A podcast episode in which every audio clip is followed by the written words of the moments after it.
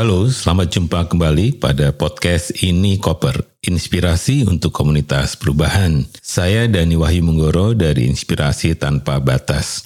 Kali ini kita akan mendengarkan tiga orang peserta Vibrant Facilitation Training Angkatan ke-34, Amal dari Aceh, Maria dari Bali, dan Yuli dari Jogja. Ketiganya mendiskusikan tentang apa itu mudah di dalam pengertian menjadi seorang fasilitator. Fasil atau fasilis itu diterjemahkan menjadi mudah, mungkin, dan nyaman. Bagaimana seorang fasilitator bisa memastikan ketiganya itu terjadi pada saat melakukan interaksi sosial sehingga orang merasa mudah menyampaikan pendapatnya, kemudian orang juga lebih mungkin menghasilkan keputusan yang berkualitas dan yang paling penting semua peserta nyaman dan aman menyampaikan apa pun sehingga pertemuan bisa menjadi lebih berkualitas dan menghasilkan keputusan yang keren. Ikuti perbincangan ketiganya.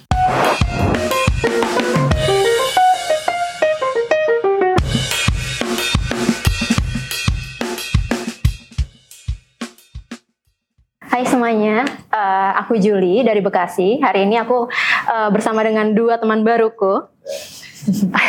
Boleh perkenalkan diri? Uh, halo, aku Amal. Uh, nama lengkapku Ikhlasul Amal.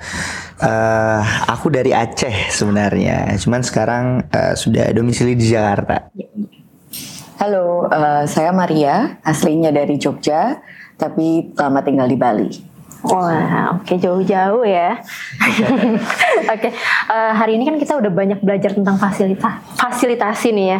Dari uh, fasilitasi sendiri itu kan adalah uh, dari kata fasil. Fasil itu adalah mudah gitu. Nah, kalau tadi dari hasil diskusi teman-teman di kelompoknya masing-masing, uh, apa sih yang diharuskan untuk ada di fasil uh, di proses fasilitasi untuk memudahkan prosesnya? Uh, kalau dari aku sendiri sih sebenarnya melihat fasilitasi itu adalah sebuah bentuk uh, memperlancar ya. Karena memang ketika kita diskusi tanpa ada pemandu gitu ya. Pemandu itu kan disebut sebagai fasilitator. Diskusinya hanya akan berjalan seperti itu saja, monoton. Nah, dalam fasilitasi ini ternyata ada sebuah metode untuk mempermudah, mempercepat untuk kita menemukan apa sih yang akan kita tuju gitu. Nah, let's say tadi aku belajar banyak uh, dalam sesi do and dance ya di mana kita uh, diberikan kesempatan untuk uh, mencari 25 hal. Uh, 25 hal itu dalam bentuk kata-kata uh, tentang apa sih yang mempermudah fasilitasi dan 25 hal apa yang mempersulit di, uh, fasilitasi itu sendiri. Uh, dari sesi ataupun uh, diskusi tadi aku melihat ada satu hal yang menarik di mana ternyata solusi itu bisa didapatkan ketika kita berbagi peran dan berbagi ide. Nah, jadi uh, dalam fasilitasi itu memang penting ya berkolaborasi. Nah, kolaborasi itu bukan hanya kolaborasi uh, sebagai fasilitator, tapi kolaborasi gagasan di dalam berdiskusi itu akhirnya menciptakan sesuatu yang baru yang pada akhirnya ya tujuan kita ini gitu. Oke, kalau di Maria sendiri kelompoknya gimana tuh? Oke, okay, kalau dari aku mungkin hampir sama, uh, cuman kalau menurut saya um, justru kerjanya fasilitator tuh agak susah gitu. Bagaimana menyederhanakan sesuatu hal yang kompleks. Uh, jadi um, saya lihat adanya tangible outcome ya yang bisa terlihat gitu uh, punyanya tujuan yang sama dan bagaimana fasilitator itu bisa memfasilitasi uh, proses untuk mencapai ketujuan itu. Um, saya melihat ada beberapa uh, yang bisa dibilang comes naturally ya dari orang-orang yang punya traitsnya untuk saling support dan bertanya. Uh, mungkin di kelompoknya Julie dan Amal juga ada ya kayak ini gimana gimana saya bisa bantu etc ada juga yang um, kalau saya lihat uh, pas ditunjuk jadi fasilitator baru punya ada kayak gitu gitu. Jadi uh, mungkin itu nggak comes naturally untuk semua orang tapi itu something yang bisa di, kita pelajarin gitu bisa kita uh, lama-lama familiar gitu. Um, dan menurut saya yang paling membantu adalah uh, ya itu ya dengan adanya um, apa bagaimana cara mencapai itu. Jadi dikecilin lagi tugasnya gitu. Misal kalau dari 25 setiap kelompok dibagi misalnya dari 10 orang ada dua dua dua dua ngerjain lima gitu kan jadi itu sesuatu hal yang bisa dikerjain bersama gitu um, dan menurut saya itu yang sangat membantu uh, in terms of uh, facilitating dan making it palatable gitu. Iya benar banget. Mungkin aku cerita juga kali ya di kelompokku. Jadi uh, di kelompokku juga apa namanya kalau aku lihat ya dari setiap fasilitator itu mereka berusaha untuk gimana nih caranya uh, mencari metode atau alur yang tepat supaya kita bisa menyederhanakan dari yang dari 50 ya 50 poin-poin itu disederhanakan jadi 10 kemudian dipilih. Kan itu pasti banyak banget kan perbedaan gitu perbedaan hmm. pendapat. Yang sebenarnya itu nggak masalah di dalam fasilitasi gitu ya karena dengan adanya perbedaan pendapat tersebut kita pasti bakal ada diskusi memunculkan diskusi diskusi, diskusi. nah salah satu tugasnya fasilitator adalah gimana sih cara mendapatkan titik tengahnya dari si poin-poin yang sudah disampaikan, perbedaan-perbedaan yang uh, diajukan seperti itu, itu dijadiin satu uh, garis tengahnya supaya uh, semua peserta itu oke okay dengan poin tersebut, hmm. kayak gitu. Itu uh, keren banget sih. Hmm. Karena mungkin boleh nambahin menurut saya disagreement pada saat kita punya 10-15 orang dengan kepala yang berbeda dengan background yang berbeda itu sangat normal. Yes. Jadi nggak bisa avoid is inevitable for us untuk punya perbedaan gitu menurut aku. Jadi uh, itu lebih sehat kalau didiskusikan daripada dipendem ya. Dan yes. fasilitator yang bisa notice adanya perbedaan itu dan bisa ketemu middle ground itu menurutku uh, ya itu ya harus bisa baca audiensnya juga gitu. Yes. Itu adalah salah satu strength yang penting sih. Mungkin. Bener sih. Aku juga merasa kayak perbedaan itu adalah warna ya. Yeah. Di mana kalau warna itu satu itu nggak asik banget kita lihatnya. Hmm. Tapi kalau warnanya banyak dan warnanya itu uh, bisa bikin sesuatu yang imajinatif, imajinatif ya, let's say gambar. Mungkin kita tadi melihat juga bagaimana ketika argumentasi, narasi itu diubah menjadi sebuah gambar. Nah itu akan lebih menarik dibanding monoton kalau kalau bentuknya tulisan, ya. tulisan ataupun cuma satu warna saja gambarnya. Itu rasa-rasanya uh, sesuatu hasil diskusi kita tuh ya biasa saja gitu. Tapi ketika sesuatu itu kemudian uh, ditambahkan atau dikurangi atau ya di, seperti nasi goreng ya, bumbunya uh, kelebihan garam pun nggak enak gitu, kekurangan garam nggak enak. Jadi kalau bisa uh, komposisinya itu pas. Nah dalam diskusi sebenarnya uh, hari ini saya melihat bahwa komposisi itu uh, awalnya tidak pas, tapi gimana caranya kita mengumpulkan bahan-bahan itu untuk menjadi sebuah karya. Ya nasi goreng tadi lah bisa kita bilang. Nah nasi goreng itu enak ketika cabenya pas uh, gulanya pas gitu, garamnya pas. Dan hari ini kita menemukan itu dalam diskusi kita tadi. Iya, benar banget sih. Uh, salah satu poin yang penting juga adalah bagaimana cara kita mendengarkan, nggak cuma mau didengarkan benar. juga kan. Uh, itu sih. Uh, jadi untuk merangkum, terutama jadi fasilitator ya, untuk merangkum semua itu otomatis harus mendengarkan kan. Bukan berarti dia fasilitator, oh berarti cara saya yang paling benar. benar. Kayak gitu, ya kan ya. Setuju banget sih. Tapi experience hari ini bagiku sebenarnya challenging ya. Mm-hmm. Itu uh, dua. Tadi jadi fasilitator sama jadi observer. Yeah. Karena ketika menjadi fasilitator uh, kita nggak ada preparing nih. Nah nggak ada preparing materi apa ya akan kita bawakan, yeah. metodenya seperti apa ya. Memang ya apa yang ada di kepala aja gitu. Udah. Berarti gini nih caranya yang ada di kepala lakuin gitu. Dan tadi aku melihat banyak orang-orang yang awalnya pendiam, tapi tiba-tiba kayak wah ketika jadi fasilitator ternyata dia lebih uh, friendly dan lebih merangkul gitu. Nah ternyata memang fasilitator ini mendorong orang untuk lebih aktif dan juga uh, ya lebih inovatif sih kuncinya. Sama ketika yang kedua tadi aku menjadi observer. Satu sisi kayak menjadi observer itu ternyata nggak gampang.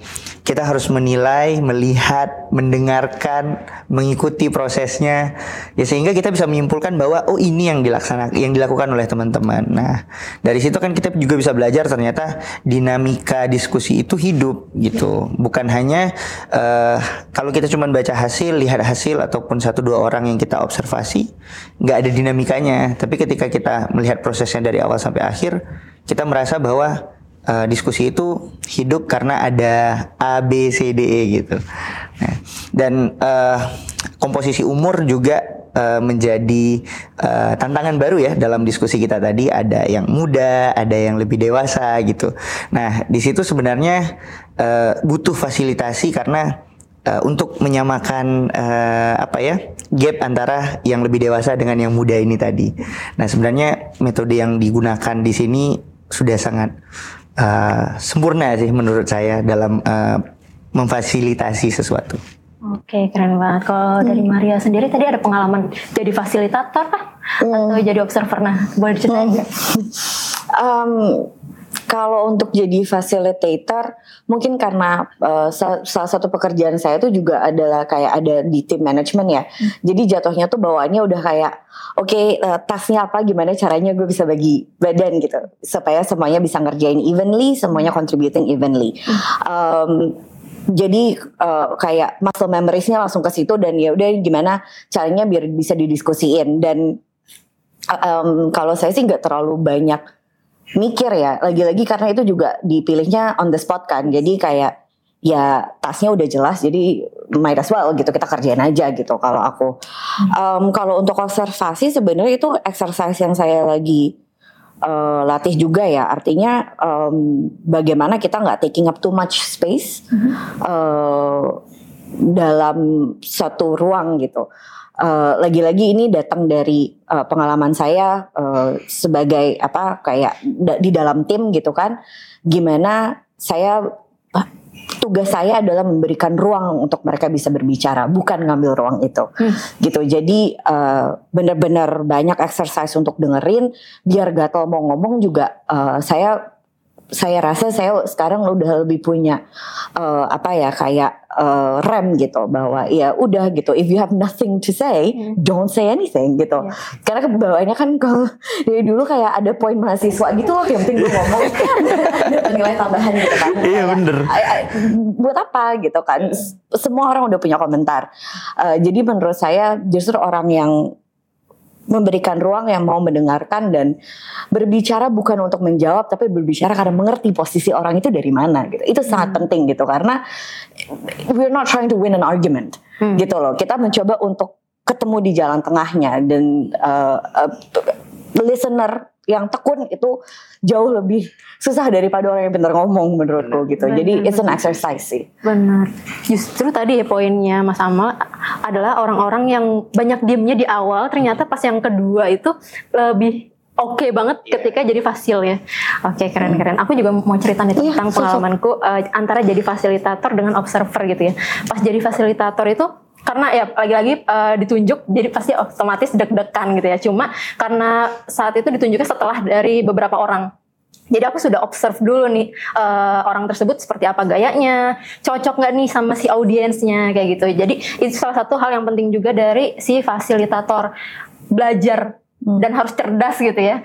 Uh, bukan. Uh, nah Lalu ketika aku jadi observer sebenarnya uh, jadi punya kayak pilot uh, view gitu loh. Uh, apa namanya melihat si keberjalanannya diskusi seperti apa terus uh, jadi nanggap oh ya ternyata yang seperti ini kurang nih atau yang kayak gini oh ini bisa diterapin nih uh, di dalam fasil fasilitator kayak gitu fasilitasi gitu.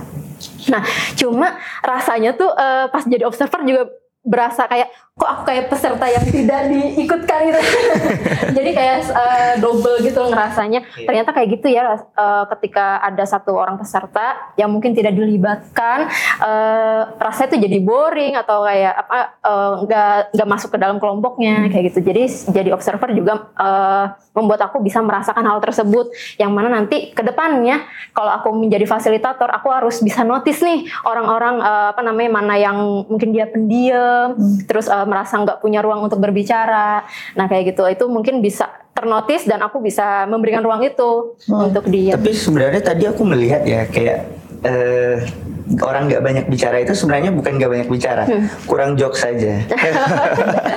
gimmick tuh penting. Iya gimmick itu penting. Karena gini ya tadi aku kayak ada salah satu peserta tadi aku lihat di awal nggak terlalu banyak ngobrol tapi ketika sudah ada jokes nih kayak di uh, kelompok kita tadi ada mind blowing ya. Itu itu agak lucu tuh. Uh, mind blowing itu kebetulan aku yang nulis. Cuman ada typonya. Harusnya M I N D. Iya. jadi aku tulisnya main M A I N gitu. Jadi jadi jokes main bowling gitu ya. Nah itu sebenarnya sesuatu yang menghidupkan diskusi kita. Iya. jadi ketika sudah eh, sudah monoton, akhirnya dipancing lagi dengan sesuatu yang jokes tadi. Dan jokes itu ternyata sangat ampuh untuk meme- memecahkan keseriusan. Nah, tadi aku juga melihat kayak ada beberapa hal yang eh, menjadi serius yang kemudian dijadikan sebagai alat lucu-lucu dan itu hidup sih. Oke ya. Mungkin catatan terakhir ya dari aku kalau eh, soal em, memberikan ruang untuk berbicara. Eh, aku juga pernah deal sama orang yang tidak nyaman untuk dilihat saat dia berbicara gitu. Dan di situ mungkin sebagai fasilitator eh, justru kita harus mencari cara kreatif supaya mereka bisa tetap berkontribusi tanpa harus eh, membuat all eyes on them gitu Merasa terintimidasi ya. merasa terintimidasi di mana bahwa value mereka itu cuma ada pada saat mereka berbicara Iya. gitu. Jadi kalau yang tidak nyaman ya eh, mungkin sesimpel bikin kelompok kecil Hmm. eh, biasanya ada orang yang lebih nyaman seperti itu. Jadi mencari cara-cara lain eh, dan ya itu ya memberikan ruang itu nggak selalu eh, memberikan space untuk berbicara saja gitu, tapi ada banyak kontribusi lain yang juga bisa diberikan. Benar, benar. Setuju banget. Jadi hari ini kita banyak banget belajar ya. Luar Ya, biasa sih. Oke luar biasa. Kalau boleh disimpulin satu kata untuk hari ini, Indah. Indah. Aduh, aduh. Em, menyenangkan ya, Eh, walaupun melelahkan juga sih sebenarnya. Tapi cukup menyenangkan untuk hari pertama, eh, ya energize. Oke, kalau aku hari pertama antusias banget, nggak sabar nunggu uh, hari selanjutnya kayak gitu. Oke, semuanya uh, makasih banyak. Uh, saya Judy dari Bekasi. Saya Amal dari Aceh. Saya Maria dari Bali. Sampai jumpa. Bye.